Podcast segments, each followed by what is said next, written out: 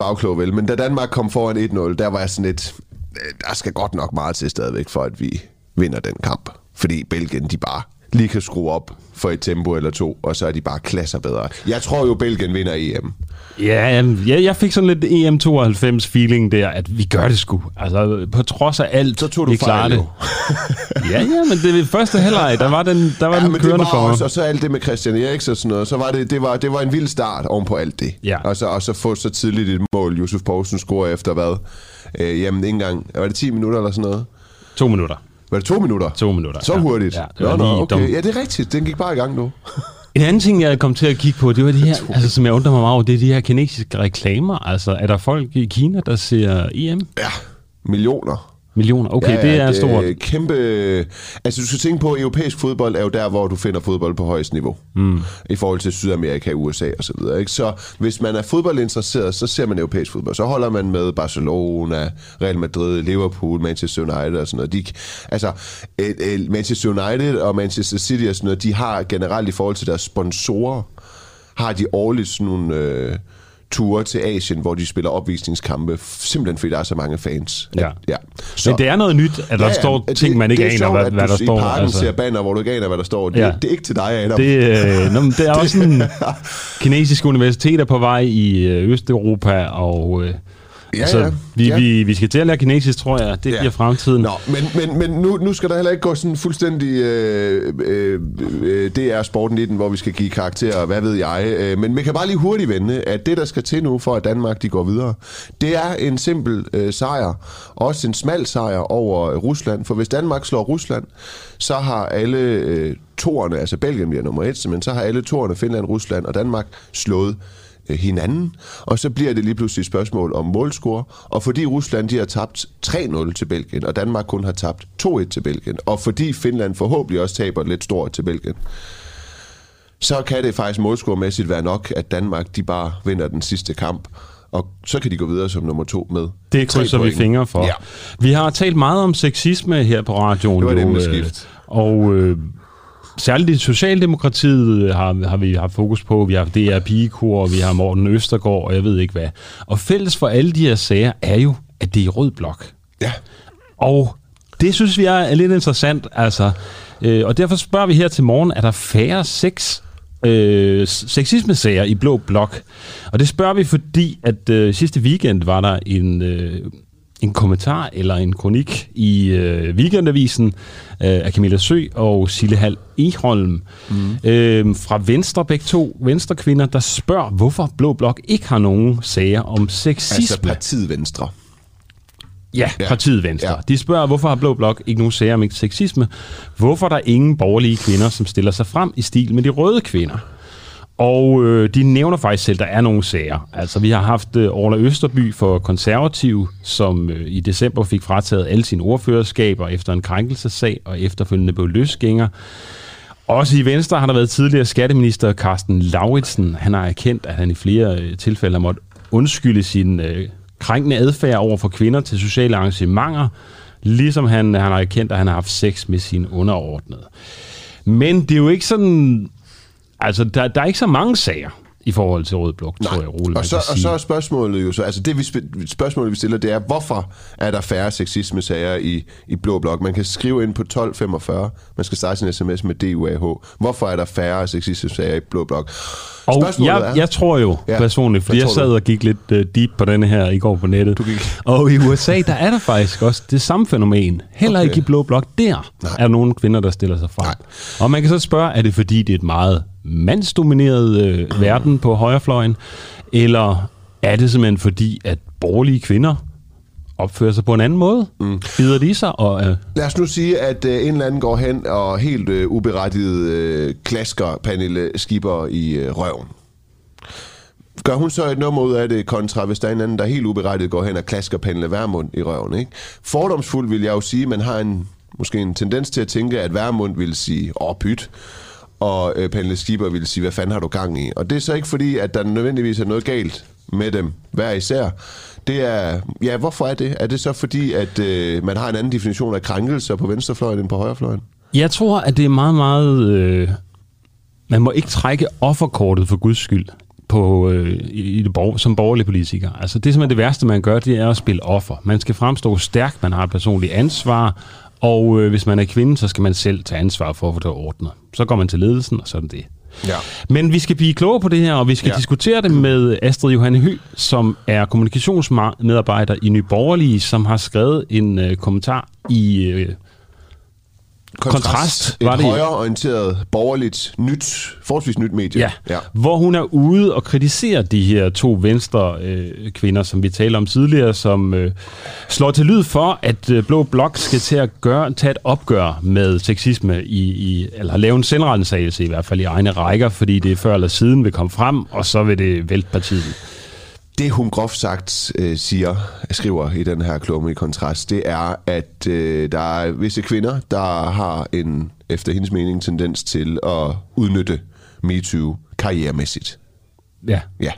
Ja, hun siger, at øh, de her to kvinder, de simpelthen, øh, så vidt jeg har forstået det, udelukkende kører det her øh, MeToo for ligesom at, at, at, at hyppe deres egen karriere. Vi taler med øh, Astrid Høgh klokken øh, lidt over halv otte.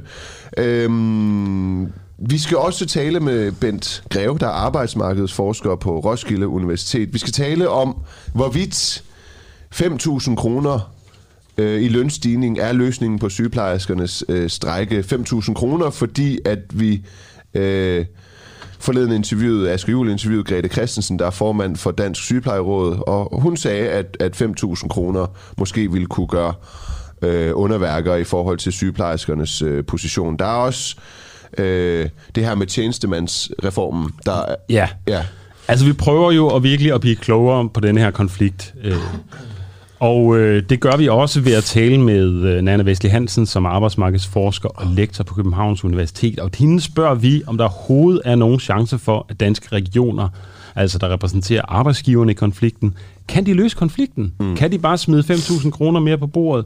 Er der penge i kassen? Hvad kommer der til at ske? Og øh, konflikten starter jo i nat øh, kl. 12, hvor der er 5.000 sygeplejersker, der kommer til at strække. Og øh, ja, patienter der, patienter, der skulle have været til undersøgelse, kontrol eller operation i næste uge, får i stor stil aflyst deres tider. Og alene på Aarhus Universitetshospital rammer det 2.300 patienter her de første uger.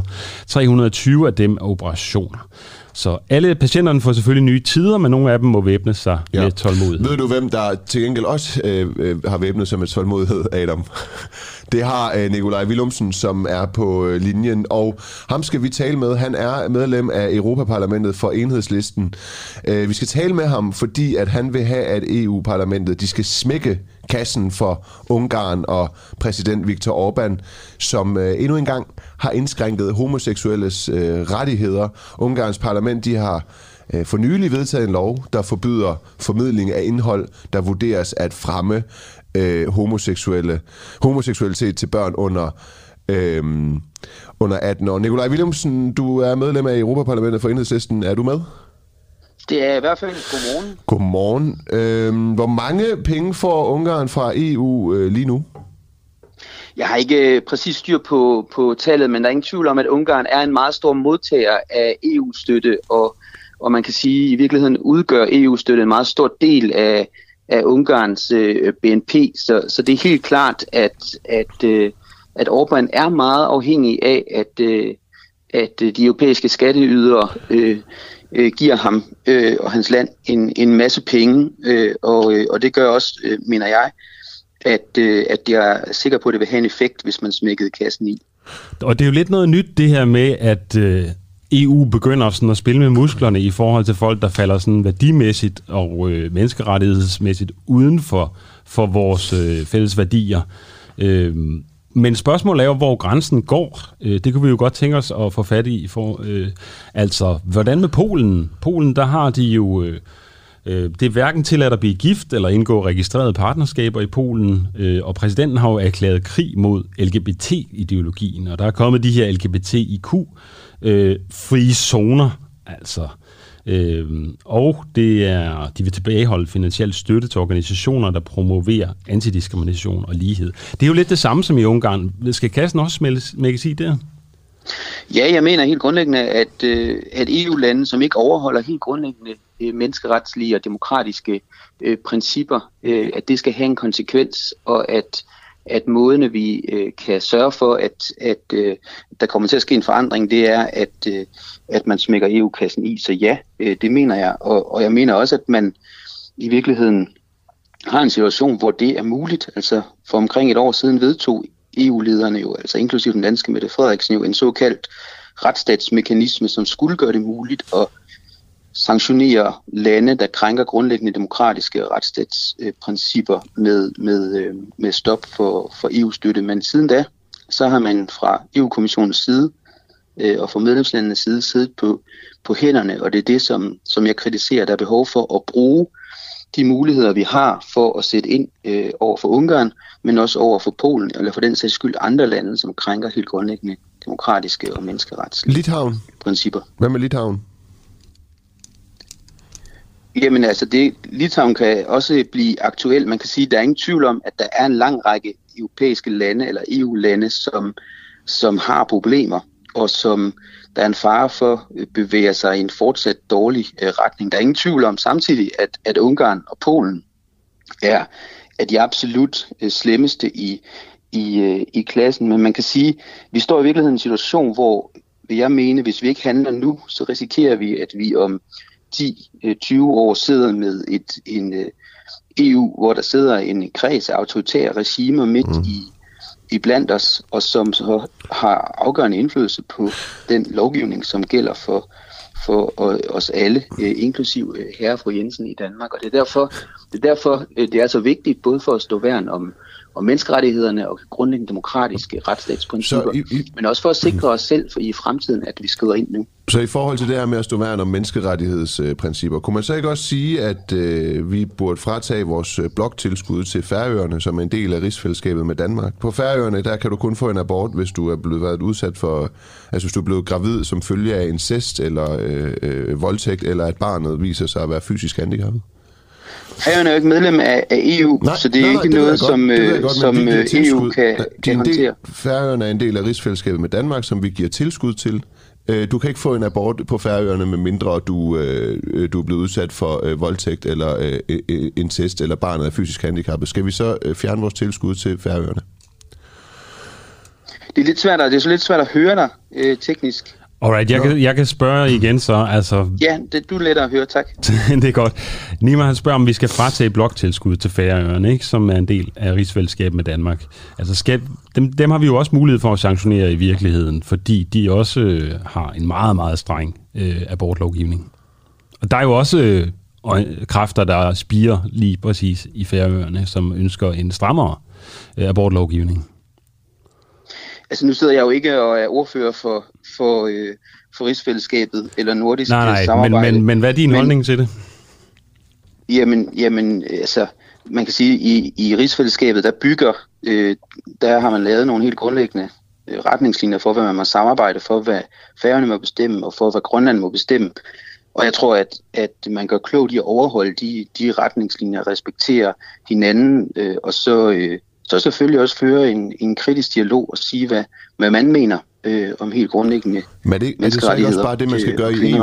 Have en kritisk dialog og så respektere, at landene hver især, de, øh, de har nogle, nogle nationale regler, ligesom det gør sig gældende Jamen, med rigsfællesskabet. Man må sige, for, for, for at blive øh, en del af EU, så skal man overholde helt grundlæggende demokratiske rettigheder og den europæiske menneskerettighedskonvention. Man skal forpligte sig til at respektere ligestilling og, og øh, og det er jo det, som ikke, øh, det ikke foregår i, i Polen og i, i Ungarn. Og man har så sågar haft en situation, hvor man for et år siden blandt EU-lederne blev enige om, at man, man, øh, man ville oprette en mekanisme, så det blev muligt at sætte ind over for, for lande, der krænker øh, menneskerettighederne med, med økonomiske sanktioner ved at smække øh, EU-kassen i. Og det, som jeg så bare i al stilfærdighed siger, det er, lad os da bruge den mekanisme, lad os have politisk vilje til at at sætte ind øh, over for Orbán ved at sætte på i, mm. i 10 år, mens man har angrebet pressefriheden, man har angrebet domstolenes uafhængighed, man har angrebet medierne, og man har angrebet øh, minoriteter, og det er uacceptabelt. Og hvordan øh, er chancerne for, at det bliver gennemført, vurderer du? Jamen, Jamen altså, i EU-parlamentet er det lykkedes enhedslisten og andre gode kræfter at få flertal for, at man ønsker, at man skal sætte øh, gang, i gang med at bruge øh, retsstatsmekanismen. Så man kan sige, at i EU-parlamentet er der et flertal for, for det, jeg, jeg foreslår. Det, som der mangler, det er, at EU-kommissionen og EU-medlemslandene skrider til handling, så man kan sige, jeg tror i virkeligheden, et, et rigtig godt sted at starte, det er at spørge den danske statsminister, om hun vil rejse øh, problemet på næste øh, EU-topmøde, fordi, fordi øh, hvis ikke der er et pres øh, og, øh, fra EU-landene til at bruge den mekanisme, de øh, så flot øh, proklamerede for et år siden, jamen altså hvorfor så overhovedet oprette den? Ja, altså man kunne spørge, hvorfor det overhovedet ikke blevet effektueret endnu, når det, jeg har talt så meget om det. Nemlig, altså der var jo ingen tvivl om, at Frederiksen ville jo gerne fortælle vidt og bredt om den sejr, hun mente, hun havde fået øh, øh, for et år siden øh, med, med oprettelsen af retsstatsmekanismen, men den er ikke blevet brugt siden, så hvorfor ikke, hvorfor ikke handle nu? Alright. Jeg skal bare høre, hvem er på din sorte liste ud over EU, og, eller ikke EU, men Polen og Ungarn? Jamen altså, der er ingen tvivl om, at, at altså, Polen og Ungarn er er der, hvor der er de største problemer lige nu. Det er ikke det samme som, at der ikke er bekymrende udviklinger i en, i en række andre andre lande, men, men, øh, men jeg synes, at, at øh, Polen og Ungarn er helt klart, er helt klart, hvad kan man sige, der hvor, hvor der burde sættes ind nu og her. Kan du øh, høre mig nu, Nikolaj Willumsen? Det kan jeg godt lidt svagt, men jeg kan høre dig. Vi skal have gjort noget ved den her mikrofon tydeligvis. Men øh, jeg vil bare lige høre, øh, altså der skal, skæres, øh, der skal lukkes for pengekassen. Hvis det var op til dig, du er medlem af EU-parlamentet, skal de her lande så, skulle man så gå så langt som at helt at, at udelukke dem fra EU? Man kan sige, det som man, det som man har gjort med at oprette en, en øh, retsstatsmekanisme, det er jo i virkeligheden at, at, at give sig selv nogle værktøjer, som er andet end at smide lande ud af EU. Indtil nu har man haft det, man har kaldt en, en artikel 7 mulighed, som i virkeligheden er at, at fratage lande stemmeretten øh, i EU, og dermed i virkeligheden indflydelsen, og, og dermed de facto smide dem ud, øh, fordi hvilket land gider at acceptere at være under øh, kontrol, uden at have noget skulle have, skulle have sagt. Mm. Så, så det er klart, ja, det kan blive en konsekvens på sigt, at man skal smide lande ud af, af EU for at krænke helt grundlæggende menneskerettigheder. Det, det er åben på at diskutere. Men, men, men man kan sige, at det, som vi har gjort ved at få en retsstatsmekanisme, det er jo at gøre det muligt for os selv at sige, at vi gider ikke at være til grin for ja. vores egne skattekroner. Men synes du så, at øh, Ungarn skal ud af EU? Så... Synes du, Ungarn skal ud af EU? Altså, jeg synes, at man skal smække kassen i over for Orbán, og jeg Men du synes ikke, at Ungarn på... skal ud af EU? Nej, ikke på nuværende tidspunkt, okay. men det er klart, det kan blive aktuelt. Ja. Men hvis man, ikke, man, hvis man ikke engang kan tage sig sammen til at bruge den retsstatsmekanisme, man selv har oprettet, ja. øh, som gør det muligt at sanktionere Ungarn, så har vi et, i virkeligheden et langt større problem end, end Orbán i EU. Ja, så vil den jo være illusorisk, den sanktioneringsmulighed, kan man sige. Øhm, Nikolaj Willumsen, du er medlem af EU-parlamentet for Enhedslisten. Tak fordi du var med. Selv tak, og fortsat god dag. Det er lige måde. Vi skal... Virker min mikrofon? Virker min mikrofon? Ja. Hvorfor kan Nikolaj Willumsen så ikke høre mig? Det sker nogle gange, øh, når man ringer til nogen. Vi skal også lige kigge lidt på, øh, på nogle nyheder. Det skal vi, ja. Øhm, vi talte jo om Delta-varianten her tidligere på ugen, og øh, og vi fik Allan Randrups uh, bekræftelse af, at vi ikke skal være bekymrede, så det er vi ikke. Det skal til gengæld være i Lissabon i Portugal. Uh, den her weekend, der bliver det forbudt at rejse ind og ud af Lissabon øh, efter den her meget smitsomme Delta-variant er begyndt at brede sig. Det gælder til og med mandag morgen kl. 6, så hvis der er nogen, der lige har planlagt en sviptur til øh, Lissabon, så må de nok øh, tage et andet sted hen end lige hovedstaden. Lissabon oplevede i går en stigning på 628 smittetilfælde på 24 timer. Det er det højeste siden februar. Og stigningen udgør 75 procent af det nationale smittetal, selvom det kun er 27 procent af Portugals befolkning, der bor i hovedstadsområdet. Og så kan vi da lige sige, at TV2 meddeler, at rejserestriktionerne de lempes markant fra den 26. juni. Der kan vi danskere rejse frit i hele EU, uden at skulle fremvise test før hjemrejse eller skulle i isolation, når ferien er slut. Man skal have et gyldigt coronapas. Ja. Så er der også kommet en anden nyhed om, at Sundhedsstyrelsen nu anbefaler, at de 12-15-årige får tilbudt en coronavaccine. Altså, det er jo, øh, har jo været, det er jo udryddet i USA i hvert fald, og øh, også i Tyskland ved jeg, men øh, nu er der altså også grønt lys her i Danmark. Det sagde Sundhedsstyrelsen direktør Søren Brostrøm torsdag på et pressemøde, og det vil formentlig ske fra september af. Så Danmark lægger sig op af en øh, vurdering fra det europæiske lægemiddelagentur EMA, øhm, og tilbuddet træder i kraft, når alle grupper i alderen over 16 år er færdig vaccineret. Og så er spørgsmålet så, om man vil lade sin, sit, uh, sin 12-årige knægt eller pige uh, vaccinere. Uh, en af hovedårsagerne skulle være, at øh, uh, og tak ja, det er, at børn har brug for deres sociale netværk, og øh, det har jo været udfordret her de seneste halve år. Øhm, og det er jo primært derigennem, at spritten, smitten øh, breder sig. ja. Øhm, Nå, vi skal, vi skal videre. Lad os lige sige, at øh, hvis øh, man vil støtte den uafhængige, så kan man øh, gøre det for 39 kroner om måneden på DUAH Øh, duah.dk. Det er helt uden binding.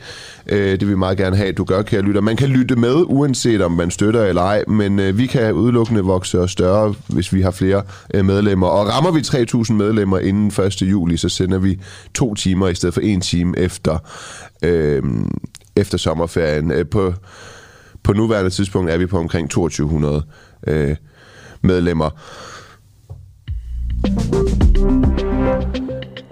Ja, og vi dykker dybere ned i øh, konflikten med de danske sygeplejersker og øh, arbejdsmarkedet, eller og øh, regionernes øh, konflikt her for at øh, få nogle bedre vilkår og løn til øh, sygeplejerskerne. Og øh, derfor skal vi tale med øh, Nana Vesli Hansen, eller jeg har talt med hende, hun er arbejdsmarkedsforsker og lektor på København Universitet, fordi jeg rigtig gerne vil vide, vi vil gerne vide, om der er nogle chancer for, at danske regioner, der repræsenterer arbejdsgiverne i konflikten, overhovedet kan løse konflikten, eller er løbet kørt? Øh, jeg har rigtig svært ved at forestille mig, at øh, man kan gå tilbage til forhandlingsbordet og finde et nyt forlig. Så vil jeg så høre, hvad tror du politikerne vil gøre?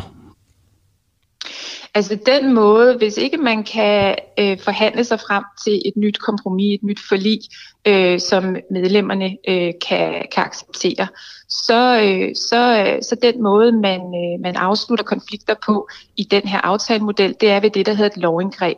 Øh, og det er politikerne på Christiansborg, som øh, så siger, nu har I haft mulighed for at forhandle, I kan ikke finde ud af at blive enige, ja, hvad så nu lovgiver hvad, vi på området. Altså, hvad vil politikerne helt konkret så gøre?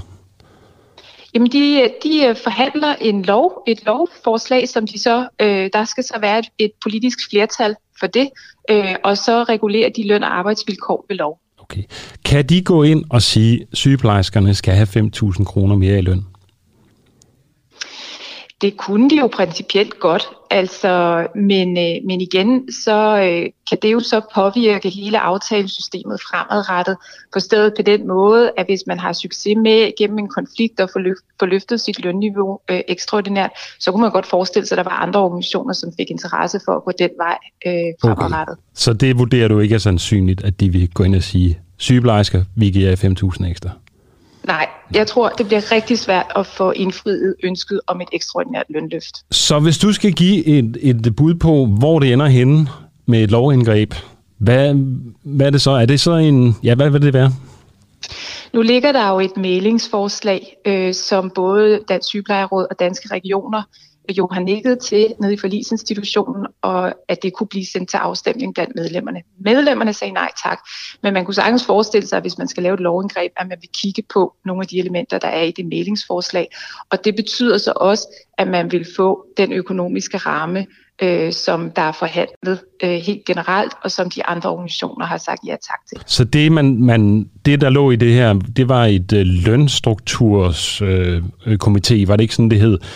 de skulle så ligesom prøve at, at finde en ny struktur for hele øh, lønsystemet. Øh, eller hvordan skal det forstås? Jo, et element i, øh, i mailingsforslaget er et forslag fra FH, som jo er hovedorganisation for øh, størstedelen af lønmodtagerorganisationerne på tværs af både det offentlige og det private arbejdsmarked. De har stillet forslag om den her lønstrukturkomité, øh, som øh, jo så skal kigge på forskellige elementer af, øh, hvad hedder det, lønrelationerne øh, og, øh, mellem de offentlige lønmodtagere, øh, barriere for, hvorfor det er, at man ikke kan få øh, hvad hedder det, løftet lønnen øh, for forskellige grupper, og hvad hedder det også kigge på øh, konsekvens, eller hvad hedder det, sammenhængen mellem lønudviklingen i det offentlige og det private. Der er mange elementer i det. Ja. Det er et forslag, der er stillet FH, og derfor, kunne man, og derfor rækker det sådan set også ud over sygeplejerskerne, fordi det skal kigge meget bredt på lønstrukturerne Aha. på det offentlige arbejdsmarked. Og er vi så tilbage ved, ved tjenestemandsreformen, men det er i virkeligheden at den, der skal, der skal laves om? Jeg ser øh, lønstrukturkomiteen som noget, der også skal kigge ud over den problematik. Den kigger meget bredt på lønstrukturerne på det offentlige arbejdsmarked, for der er også organisationer, der peger på andre problematikker, øh, som ikke har noget at gøre med indplaceringen øh, af, af, hvad hedder det, af, af, af hvad hedder det, lønshierarkiet på det offentlige område. Okay. Et sidste spørgsmål er, hvornår øh, griber politikerne ind, tror du? Det er meget svært at svare på. Ja. Men, men du siger jo ligesom, at der ikke er nogen mulighed for danske regioner at løse konflikten. Så må det jo ligesom, så må Jeg politikerne siger vel bare, at det ser svært ud Ja. at løse konflikten Ja. øh, og gå tilbage til forhandlingsbordet. Jeg har svært ved at forestille mig, at der er nye øh, kompromismuligheder eller nye forlismuligheder, Okay. som kan indfri øh, det her ønske, som øh, sygeplejerskerne har. Alright. Tusind tak, fordi du var med, øh, Nana Vestli Hansen. Ja, det var altså øh, Nana øh, Vestli Hansen, der er arbejdsmarkedsforsker og lektor på øh, Københavns Universitet. Omkring hvem, der kan løse konflikten med de danske øh, sygeplejersker. Adam, der er en øh, lytter, der har skrevet ind, at det altid er sjovt at høre os to sammen, fordi det unægteligt lyder som om, at du altid er lidt irriteret på mig. Det er nok rigtigt. og, så, og, så, øh, og så er der en lytter, der har skrevet en lidt længere sms omkring, øh, hvorvidt, øh, hvorfor der er øh, færre, flere sexisme-sager øh, på venstrefløjen. Øh, den tager vi lige øh, senere, når vi kommer øh, dertil. Det er en god sms, tak for den. Vi har set den, og vi skal nok læse den op, øh, når vi kommer til det indslag. Øh, nu skal vi til noget lidt andet. En øh, ny enhed i Københavns øh, Kommune har på kun fire måneder noteret 57 mistanker om social kontrol blandt kvinder, der er i kontakt med centrene. Det er noget Berlinske skriver. Men hvordan opstår den mistanke, og hvordan fungerer øh, den her enhed? Øh, det er vi blevet nysgerrige på på den uafhængige. Men Københavns Kommune, de har ikke ønsket at øh, stille op til interviews, så derfor har vores reporter Oliver Forgård i stedet ringet til øh, Halima Al Abassi, som er forkvinde i Rådet for Etniske Minoriteter, der rådgiver regeringen og kommuner i kampen mod øh, social kontrol i øh, indvandrermiljøer. Vi har altså øh, spurgt hende, hvordan øh, en, øh, en mistanke om øh, social kontrol den øh, opstår, og om øh, jobcentrene de har svigtet øh, undertrykte kvinder. Og sådan, dit bedste eksempel på, eller dit værste eksempel, er måske bedre at spørge på, hvordan social kontrol kan se ud for en kvinde, som er i kontakt med et jobcenter og prøver at få et arbejde. Hvordan lyder det? Jamen altså, i de diverse tilfælde, det er jo tilfælde, hvor kvinden bliver truet, eller slået, eller mishandlet, og, og, og ikke har nogen rettigheder overhovedet, og heller ikke har nogen indflydelse på, hvorvidt hun øh, øh, kan indgå en eller anden form for aktivering, eller komme ud i arbejde eller uddannelse. Det er, det er sådan, de typisk mest grælde øh, tilfælde, hvor at kvinder, som er i kontakt med jobcenter, rent faktisk ikke selv har nogen valgmuligheder. De bliver styret enten af manden eller familien derhjemme. Okay, men hvis vi prøver at blive konkrete, altså en kvinde får øh, noget offentlig støtte, måske kontanthjælp, måske øh, dagpenge, for, og, og i, så skal hun gå på et jobcenter, og Ja. Så skal hun gå til de her møder. Og hvordan Ja. blander manden sig i det? Altså, det gør, han jo, det gør han jo indirekte. Han sidder jo ikke med... Altså, ofte er der nogen, der sidder sammen med kvinden og med til de her samtaler med jobcentret, eller øh, øh følger en til og fra aktivering osv., men, men, men den der social kontrol foregår jo derhjemme. Den mentale form for social kontrol, at du må ikke tage imod et arbejde, du må ikke arbejde med, med hvor der er andre mænd, du må ikke være så øh, der og der. Og det er den slags øh, social kontrol, som kvinderne har med i baghovedet, når de mødes med, med de her jobcenterkonsulenter. Vil de her mænd, vil de slet ikke have, at konerne får et arbejde? Det er meget forskelligt. Altså, nogen vil ikke have, at deres kone kommer ud på arbejdsmarkedet. De øh, synes, hun skal være hjemmegående og klar at tage sig af familien derhjemme. Og så er der nogen, der øh, måske godt kunne synes, at det var en god idé, men som ikke rigtig, rigtig ved, hvad det indbe, øh, indbefatter, eller hvad det er, at, at kvinden skal ud i. Og derfor kan måske kan blive lidt nervøse for, om de nu mister deres, øh, deres kone, eller, eller, eller hun kommer ud i en eller anden øh, øh, og bliver alt for moderne til ham osv. Okay. Du har jo samarbejdet med kommunerne og regeringen ja. om at bekæmpe den her negative sociale kontrol hos etniske ja. minoritetskvinder.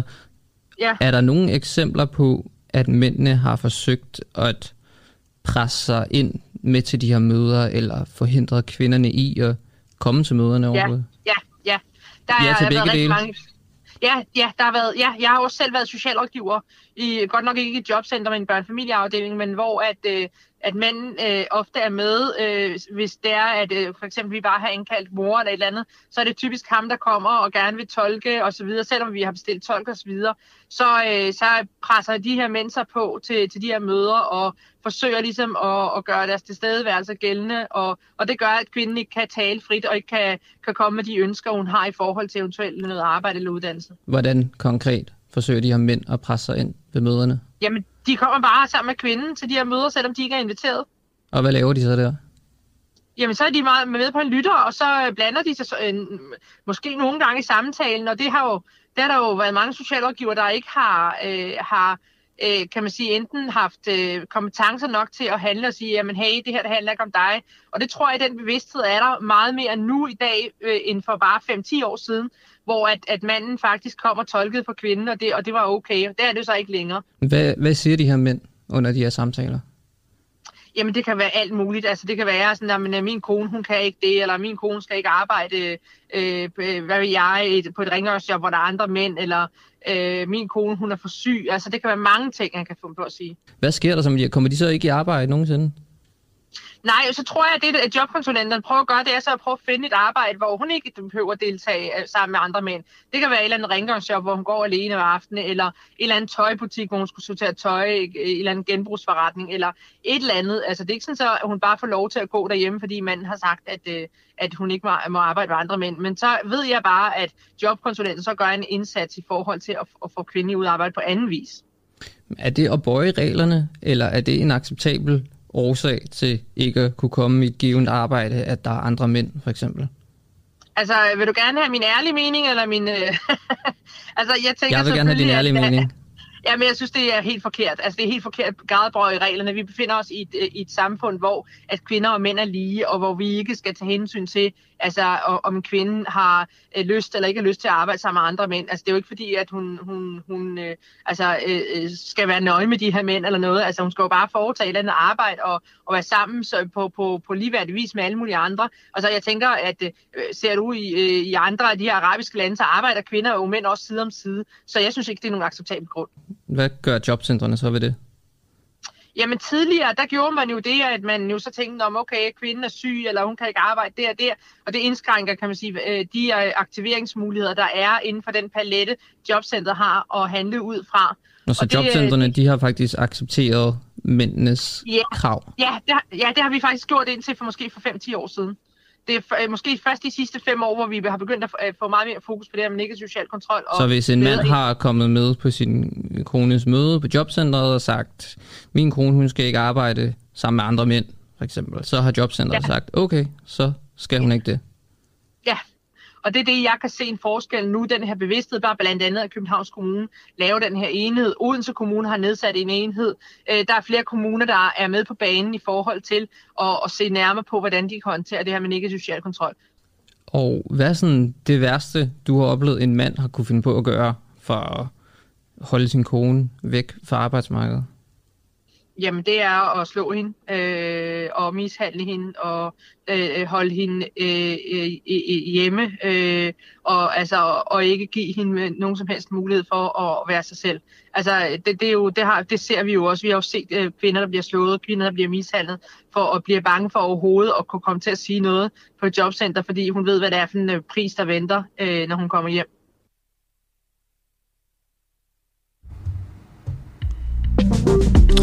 Ja, stærke sager. Det var altså Halima Albasi, som er øh, forkvinde i Rådet for Etniske Minoriteter, og, også, øh, og hun er også forsker inden for, hun er kendt for og sin forskning inden for øh, æresrelaterede konflikter og social kontrol.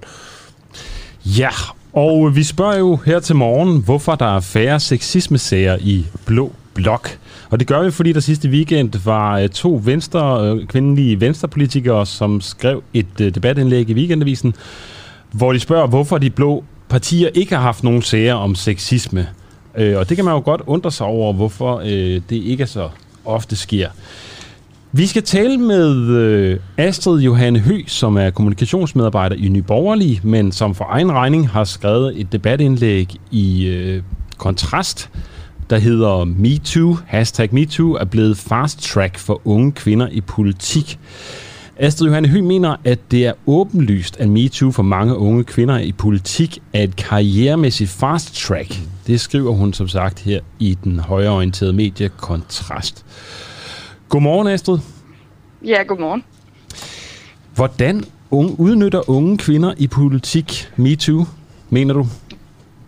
Jeg vil gerne starte med at sige, at jeg ikke taler om offerne her, fordi jeg har ikke lyst til at på nogen måde vurdere, hvornår det rigtigste frem. Øhm, og ja, jeg føler som rent med dem, så, så det er ikke dem, jeg taler om. Nej, jeg taler okay. primært om de unge kvinder, som er aktive i politik, og så som bruger MeToo som en platform at tale ud fra, fordi det er en meget nem måde at komme i medierne på. Mm.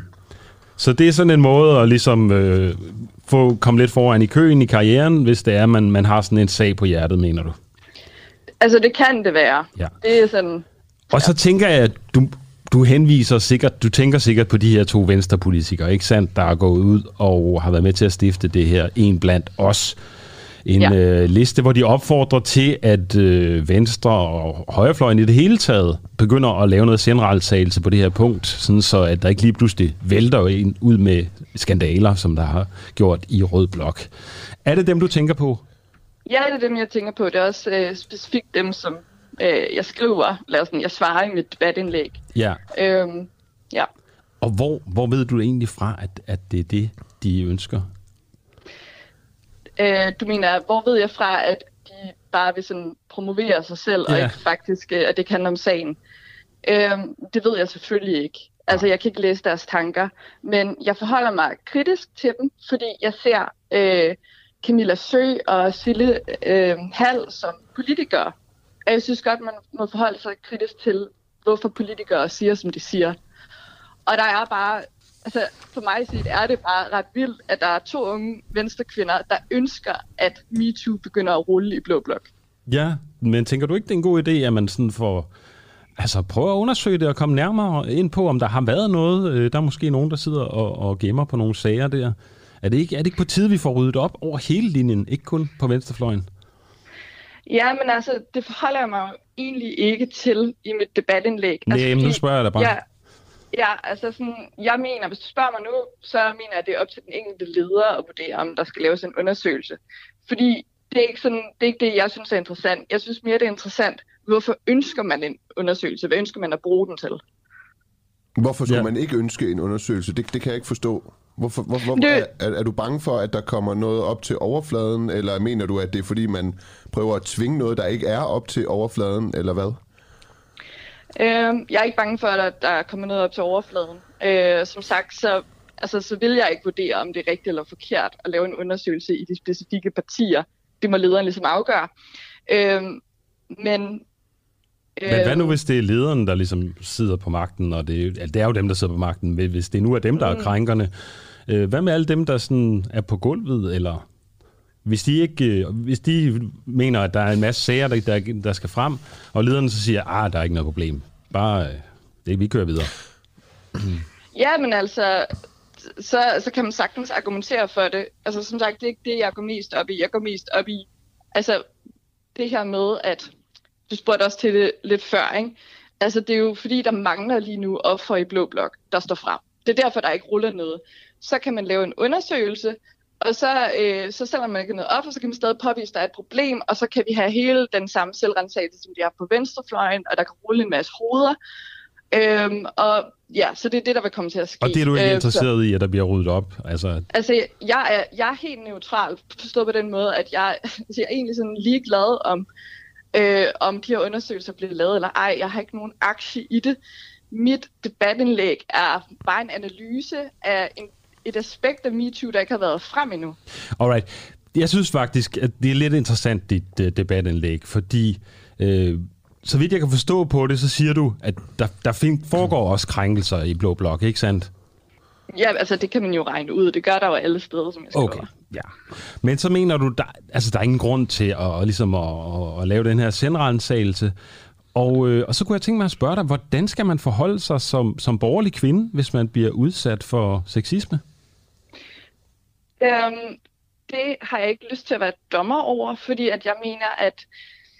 Og det er fordi... Men er det ikke det, du gør i dit debatindlæg? Nej, nej, det gør jeg ikke. Altså, øhm, til slut i mit debatindlæg, så skriver jeg, hvad min egen position er, fordi at det mangler ligesom, jeg skal redegøre for. Og det, jeg skriver, det er, i sidste ende, så falder det tilbage på det personlige ansvar. Den enkelte kvinde må ligesom overveje, hvad der er det rigtige at gøre. Ja. Og, og der siger du, der har man en borgerlig etik, moral, øh, man har et personligt ansvar, så hvis man bliver udsat for krænkelser, så skal man gå til lederen, og, øh, eller også skal man sige pyt øh, og tilgive. Det er det, det, ikke sådan? skrevet, det er ikke, altså det jeg skriver der, det er, det, at jeg regner det for at være den kultur, som ligesom er i Blå Blok. Så det er ikke sådan mig, der direkte afsender, men det er sådan, jeg forstår, forstår at vores kultur er i men, borgerlige okay, Danmark. men er det ikke også sådan, du, bare, du siger? Altså fordi, som jeg kan forstå dig, så er det værste, man kan være, det er at være offer og sandhedssiger. Det er dem på venstrefløjen, de trækker altid offerkortet. Er det ikke rigtigt? Øh, jamen altså, jeg har ikke noget mod, hvad sandhed siger, hvis det er det. Okay, øh, men, det er rigtigt, at jeg mener, jeg mener er det ikke det? Det er et jeg problem mener, at trække offerkortet, er det ikke det? Ja, jeg mener, at blå øh, kvinder er, altså, de hellere vil undgå det, fordi altså, de, der er ikke sådan, vi ser ikke os selv som offer, kan i hvert fald ikke lide det. Øhm, så, så det tror jeg kunne være en af grundene til, at vi er mindre krænkelsesparate og nok øh, sandsynligvis ikke vil gå i medierne. Jeg kan sige, du spurgte mig før, hvad man bør gøre. Jeg kan sige, hvad jeg selv vil gøre. Jeg tror ikke selv, jeg vil gå i medierne med det. Øh, altså det, medmindre det var en eller anden sådan helt vild absurd sag. Øhm, men øhm, Men ja. Du skriver, hvad vi skal gøre. Ikke? Du skriver frem for at blive mere som venstrefløjen og blive, mm. øh, trække offerkortet, bør vi holde fast i den borgerlige moral og det personlige ansvar. Mm. Og når grænser mm. bliver overskrevet, så må man selv tage ansvar for det, Ja. gå til ledelsen ja. eller også tilgive det. Yes. Okay, det er fordi, at som sagt, der mangler jo ofre på, i Blå Blok lige nu. Ikke? De har valgt ikke at stå frem, så jeg tager sådan set bare dem alvorligt. Jeg siger, de har lavet en personlig afvejning, og de har ikke stået frem. Og det respekterer jeg. Okay. Er det ikke sådan, at man helst som borgerlig kvinde skal være stærk? Altså, man må helst ikke sådan øh, vise svaghed. Altså, du er lidt ude efter venstrefløjen, de trækker øh, offerkortet, øh, de er krænkelsesparate osv. Som borgerlig kvinde, der må man være stærk og bide det i sig, eller også må man gå til ledelsen. Er det ikke det? Øh, det, det jeg skriver, sådan er det udgangspunkt, vi kommer fra, men jeg kan ikke forholde mig til, om der er enkeltsager, øh, hvor det er rigtigt er at gå til medierne. Altså fordi, hvis der er en sag, hvor at, øh, det er ledelsen specifikt, der er svigtet, og der er ingen måde at trænge igennem, og der er et eller andet monster på fri fod, altså så vil jeg selvfølgelig ikke udelukke det, det er klart. Okay, men du skriver jo, at man ikke skal gå til medierne. Det, det er det, der Nej, det- ligesom nej, er problemet, at... Øh, Nej, det, det gør jeg ikke. Jeg skriver bare, altså, at det kan være en del af forklaringen på, hvorfor der ikke er nogen offer i Blå Blok lige nu, der er stået frem. At det er, at vi har en anden kultur. Men som sagt, så ser jeg også, det er fordi, at jeg faktisk tror, at øh, kvinderne så har lavet en afvejning om, hvad der er det rigtige at gøre. Og de er bare, deres etik tilsiger dem, at det rigtige ikke har været at gå i medier. Astrid Johanne Høgh, kan du ikke, øh, er der ikke, er der ikke en, en fare for, at øh, det, det, det, det snarere er en kultur, hvor det er, altså på Blå Blok, tabuiseret øh, at være offer, og derfor så er der mange, der holder sig tilbage i forhold til at stå frem? Det, altså det mener jeg ikke. Altså bare baseret på de reaktioner, jeg har men, fået. men, men, men for eksempel øh, den sag, der var med øh, Morten Østergaard i Radikale Venstre, den lavede Ja. øh, Nyborgerlige en joke med. De delte et billede, hvor øh, alle deres fire folketingsmedlemmer, de sad med hænderne på hinandens øh, lår, og så var de sådan Mhm. et pyt med det. Øh, det der kan man jo sige, at så laver de sjov med det, men hvis der rent faktisk sidder nogle kvinder på, på blå blok, i, i blå blok og føler sig som offer for et eller andet, mm. eller er en del af et nyborgerlige miljø, eller hvad det nu kunne være, så vil de jo ikke rigtig have lyst til at stå frem, fordi så bliver man jo hånet, fordi så er man øh, svag. Det er sådan noget, vi joker med, det der med at tage på hinanden. Jeg tror faktisk ikke, at der er nogen mennesker, der vil håne nogen, altså for at stå frem. Altså, det, så skal man jo virkelig være exceptionelt Men kan du forstå, at når man som parti laver en joke med en sexisme-sag, så hvis man er i det miljø eller på den blog, så vil man måske tænke, at så er man til grin, hvis man står frem?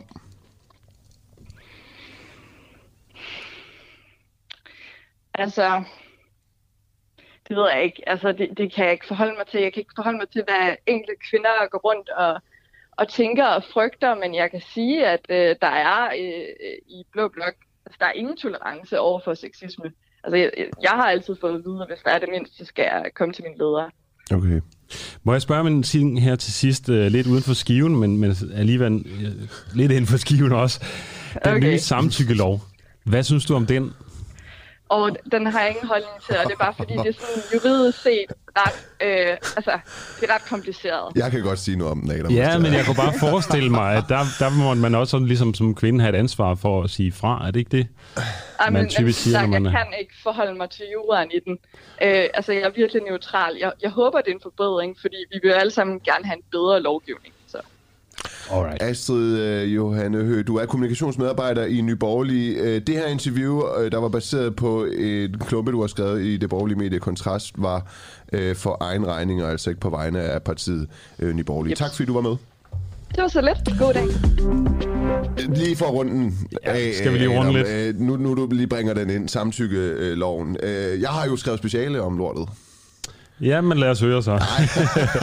Nej, den har en god øh, symbolsk virkning. Det sender et godt signal. Øh, tag mere vare på hinandens, øh, øh, eller tag mere hensyn til hinanden, mærk efter og så videre. Men, men, men sådan rent øh, juridisk, øh, der rykker den ikke så meget, fordi at voldtægtssager, det er ofte sager, hvor der ikke er særlig mange øh, be- beviser, og der kommer ikke flere beviser af, at man lige pludselig laver formuleringen om i, øh, i loven. Jeg men, har også hørt, der men er nogle- Politikerne, ja. men politikerne siger, og det er jeg enig i, at øh, det sender et stærkt signal, og det har jo skabt en kæmpe debat, øh, så det Og- må man jo antage og lad os lige kort sige- kan være godt engang.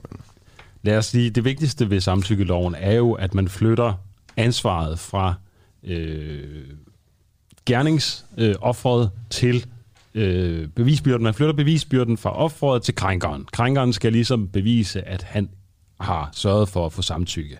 Ja, Altså. det kan man jo sige er problematisk, hvis det rent faktisk er sådan, det kommer til at udspille sig i retten, fordi så er der en form for omvendt bevisbyrde. Men ved du hvad, det er noget, vi på den uafhængige burde undersøge. Det tror jeg, vi- vi skal have en snak de om første, ja. øh, voldtægtssager, der er blevet bedømt ud fra den nye lovgivning. Det er interessant. Det er mega gået. interessant. Ja. Ja. Men altså, øh, ja, vi skal videre fra øh, de stærke kvinder, øh, Støjberg, Kærsgaard og Pernille Vermund, som jo ikke går så meget op i sexisme.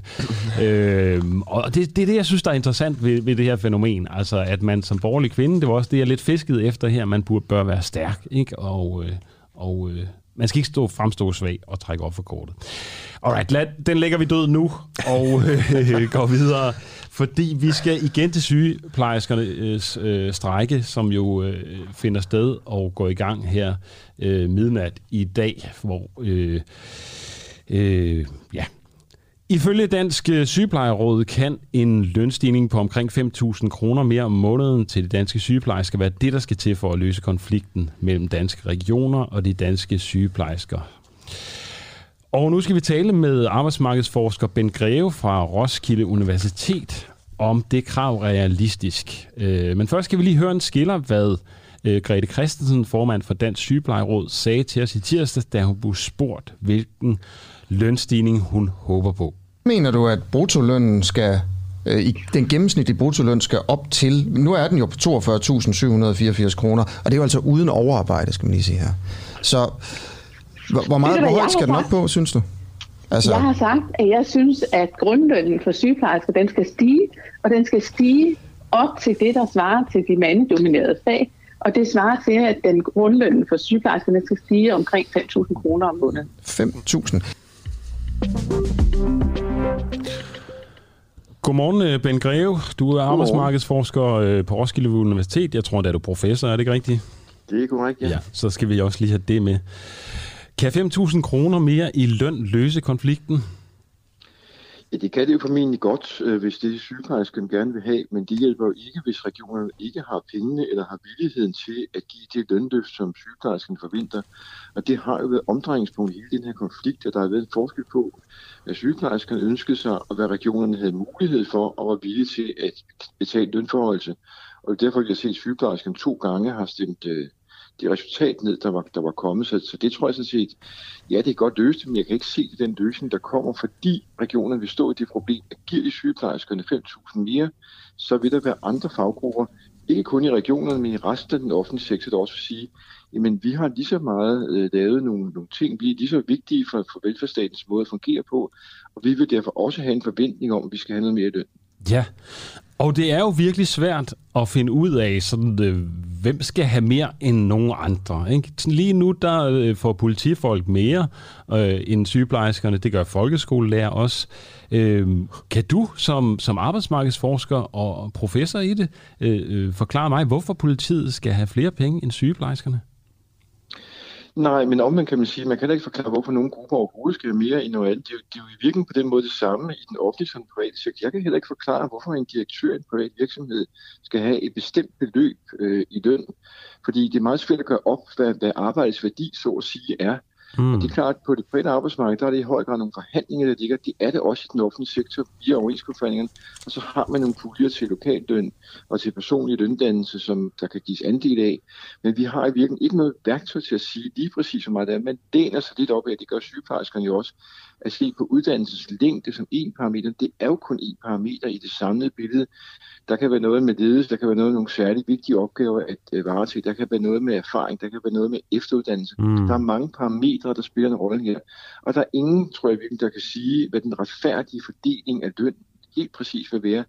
Også fordi, at det også gælder den her konflikt, at man jo altid, uanset hvor den hierarkiet man befinder sig, sammenligner sig med nogen tæt på, som man synes, man mindst skal have det samme i løn som. Okay, så, så det er forhandlinger, der er baggrunden for, hvorfor at politiet og folkeskolelærer får mere end en sygeplejerske. Hvordan i alverden er man kommet frem til det? Der må vel være et eller andet udgangspunkt? Jamen, der har jo været, der har været, der, der har, ja, det er rigtigt, der var et udgangspunkt i en tjenestemandsreform i 1969, for den mener jeg sådan set, den, det var dengang sammen haft 50 år til at forhandle det. Der har været strækker på sygeplejerskeområdet i, i forvejen, og derfor er det jo et forhandlingsspil, der virkelig ligger her på, hvor meget vil man give en gruppe for den, fordi man skal jo hele tiden huske på, at giver man en gruppe inden for den ramme, der er, og den udvikling i den offentlige sektor har i virkeligheden siden 1980'erne ligget helt på linje med lønudviklingen i den private sektor. Og det vil sige, så har man sådan set nærmest på forhånd haft en vurdering af, hvilken lønsum og lønsum stigning var til rådighed, og den har man så skulle fordele. Og hvis for eksempel sygeplejersker skal have noget mere, så er der typisk nogle andre i den offentlige sektor, der skal have noget mindre, øh, og det er derfor det er en, en vanskelig øvelse at gøre. Den diskussion har blandt andet handlet om hele vejen igennem, også i forhold til andre lavlønsfag, for eksempel pædagogerne, øh, at man skulle give en kronestigning i den øh, i stedet for en procentstigning. Men det er de akademiske øh, faglige organisationer ikke interesseret i, fordi så vil deres medlemmer få en real tilbagegang, hvis de kun får en kronestigning frem for en, en procentstigning. Så derfor det, er det også en intern konflikt i de faglige organisationer. Det er meget kompliceret, det her. Ja. Men altså, som, som jeg forstår det, så er udgangspunktet for, for den her, det her lønhierarki med, at politiet og folkeskolelærer får mere end, end sygeplejerskerne, det, det skal findes i det, der hedder tjenestemandsreformen øh, som blev lavet 69, som du siger, som er sådan et lønhierarki over offentligt ansatte. Og det er jo tit det er den, der ligesom bliver øh, udpeget som, som skurken i alt det her. Og, og man siger, øh, hører partierne sige, at vi skal lave et opgør med tjenestemandsreformen. Det er stadig den, der spørger, og det er årsagen til, at, at, at sygeplejerskerne får mindre end politiet, fordi at øh, da man oprindeligt lavede den her tjenestemandsreform, så var det de mandedominerede fag, der lå højst, fordi dengang i 69, der gik kvinderne primært hjemme og skulle sådan set ikke arbejde så meget, de skulle passe hjemmet. Men jeg kan forstå på dig, at du ikke er ude efter tjenestemandsreformen. Er det korrekt? Nej, for jamen, jeg synes ikke, man kan bruge det længere som begrundelse. Det, det er rigtigt, det er en historisk forklaring på det, men der er gået 50 år siden hen med overenskomstforhandlinger på arbejdsmarkedet. 50 år har haft mulighed for at diskutere og ændre de lønrelationer, som, som der har været. Det har så godt nok været vanskeligt, men der er jo sådan set sket noget undervejs, og man har stadig mulighed for, hvis man vil blandt arbejdsmarkedets parter, ændre på det her. Og jeg tror ikke på, at man enkelt kan lave en helt ny Øh, kan man sige, opdeling af, hvilke grupper der skal have været jævnfør, hvad jeg sagde før, om, at det ikke er så enkelt at sige, hvad, hvad arbejdets værdi rent faktisk er, fordi det er øh, også både en, en subjektiv vurdering, og det, men, men det er også noget med relationer i forhold til andre fag og andre grupper, og specielt for den offentlige sektors økonomi. Hvis man skal give for eksempel sygeplejerskerne 5.000 kroner, så vil øh, pædagogerne, som jo også har så trukket stort det under covid-19, og som har stort set samme uddannelseslinje, som ligger endnu længere nede lønmæssigt end sygeplejerskerne, også have en klar forventning om, de får. Og det betyder jo så, at hvis man giver sygeplejerskerne så meget nu, så får man et problem med overenskomstforhandlingerne i 2024, fordi så vil der være nogle grupper, der siger, det skal vi også have, fordi det er vi også ved, og ellers vil vi strække. Og det vil sige, at, at man jo i virkeligheden risikerer så at skubbe et problem og risikerer at få en ret stor udgift øh, til for, for, for den offentlige sektor, som gør, at man har færre penge til at lave velfærd på andre områder. Ja, det lyder virkelig kompliceret. Kunne man ikke bare sige, altså de skal alle sammen have det samme i løn? Politi, folkeskole, lærer, sygeplejersker osv.? Nej, det kan man ikke. Altså, fordi, det er fordi, der er nogle forskellige arbejdstider, der er nogle forskellige andre dele, der gør, det prøver man selvfølgelig at korrigere for, når man beregner de ting her, men det er jo også fordi, der er nogle, nogle, nogle traditioner, og der er i tradition for, at det vil heller ikke, man heller ikke skal gå fra at sætte nogle grupper ned i løn øh, for at øh, gøre det. Og det vil sige, at hvis man skal hæve dem alle sammen til det samme, så bliver det en kæmpe regning for det offentlige, og det er der, som jeg i hvert fald ser det, ikke nogen samfundsøkonomiske muligheder for at gøre i den nuværende situation. Må jeg lige høre som arbejdsmarkedsforsker, hvor øh, forudser du, at den her konflikt, øh, den ender? Tror du sygeplejerskerne, de får, hvad de vil have? Tror du, det bliver et kompromis, eller øh, hvad, hvad tænker du? Jamen, jeg, som jeg ser scenarien lige nu, altså der er jo, de, der, så de får pengene, det tror jeg ikke på. Jeg tror heller ikke på, at, at de bare opgiver strækken, men det kan de komme til, hvis de får lov at køre til strækken lang tid, der skal om. Jeg tror, at det ender, som vi har set det andre gange på arbejdsmarkedet, at når der er en skitse fra en forlismanden, øh, så vil der komme et indgreb på et tidspunkt, hvor man siger, nu er det for belastende for sundhedsvæsenet, der er for mange ting, der bliver udskudt. Så kommer der et indgreb, der ophøjer forligsskitsen øh, til lov, og det betyder, så kommer der så en lønkomité, som de så kan håbe på kan hjælpe dem ved forhandlingerne i 2024. Kunne man, der er en lytter, der spørger, om, øh, om man kunne forestille sig, at de får flere kolleger i stedet for mere i løn. Ja, det kan man også, øh, og det er også en del af det, at diskutere arbejdsvilkårene, men, men det kræver så ligesom disse, at, at de er til rådighed, og de, som ved, hvad de skal, men jeg tror ikke, at det er at love noget, som lidt mere duftigt uklart om bedre arbejdsvilkår, at det, der i givet fald vil få, få sygeplejerskerne til at sige ja i en nuværende situation, Lige nu tror jeg, det handler alene om penge, men selvfølgelig kan man sige, at det er ikke kun et spørgsmål om løn, det er også et spørgsmål om arbejdsvilkår. Men de ting hænger jo ofte også sammen. Hvis man har dårlige arbejdsvilkår, så vil man da som ofte få noget, øh, kan man sige, mm. lønmæssig kompensation for, at man ikke har så gode arbejdsvilkår som andre. Ja, så vil man måske finde sig i mindre. Ben Greve, du er arbejdsmarkedsforsker på Roskilde Universitet. Tak for øh, konkrete svar. Velkommen. Øh, her til sidst, øh, Adam, vi skal... Nej, prøv at høre, der er en lytter, der har skrevet ind, det siger jeg bare lige hurtigt, at i USA, der får man øh, tilbudt joints for at lade sig vaccinere, fordi USA de er løbet ind i en mur i forhold til øh, flokimmunitet. Det er et... man, man kan også få skydevåben andre steder, vil jeg sige. I USA, men det er rigtigt, TV2 skriver faktisk, at i USA tilbydes folk øh, gratis joints, øl og donuts for at lade sig vaccinere. Det er, noget, det er venstrefløjen, man giver det. Bare det var mig. Og på højrefløjen, der får man skud, en pistol. Ligesom skud med sådan en nål, og så en joint i munden, og en øl til at... det, det, det er din fredag eftermiddag, eller hvad? det er min mandag eftermiddag. Det er din mandag Prøv at høre, øh, vi skal lige snakke med... Øh, skal vi det? Nej, vi kan ikke nå at ringe til Kan nogen vi ikke nå at ringe Ej, til Alexander og få en ikke-nyhed fra Folkemødet Vi om, kan i hvert fald sige, Ja. at øh, vi er glade for, at du har lyttet med her til morgen. Vi ville have ringet til Bornholm og hørt øh, vores kollegaer, der var derovre, men det når vi desværre ikke. Det må blive en anden gang. Vi siger tak, fordi I har lyttet med her til morgen øh, på Den Uafhængige. Ja, det gør vi. Og så skal jeg bare lige huske, fordi jeg lovede faktisk at læse en sms op omkring det her med, øh, hvorfor der er øh, færre sexisme-sager i Blå Blok.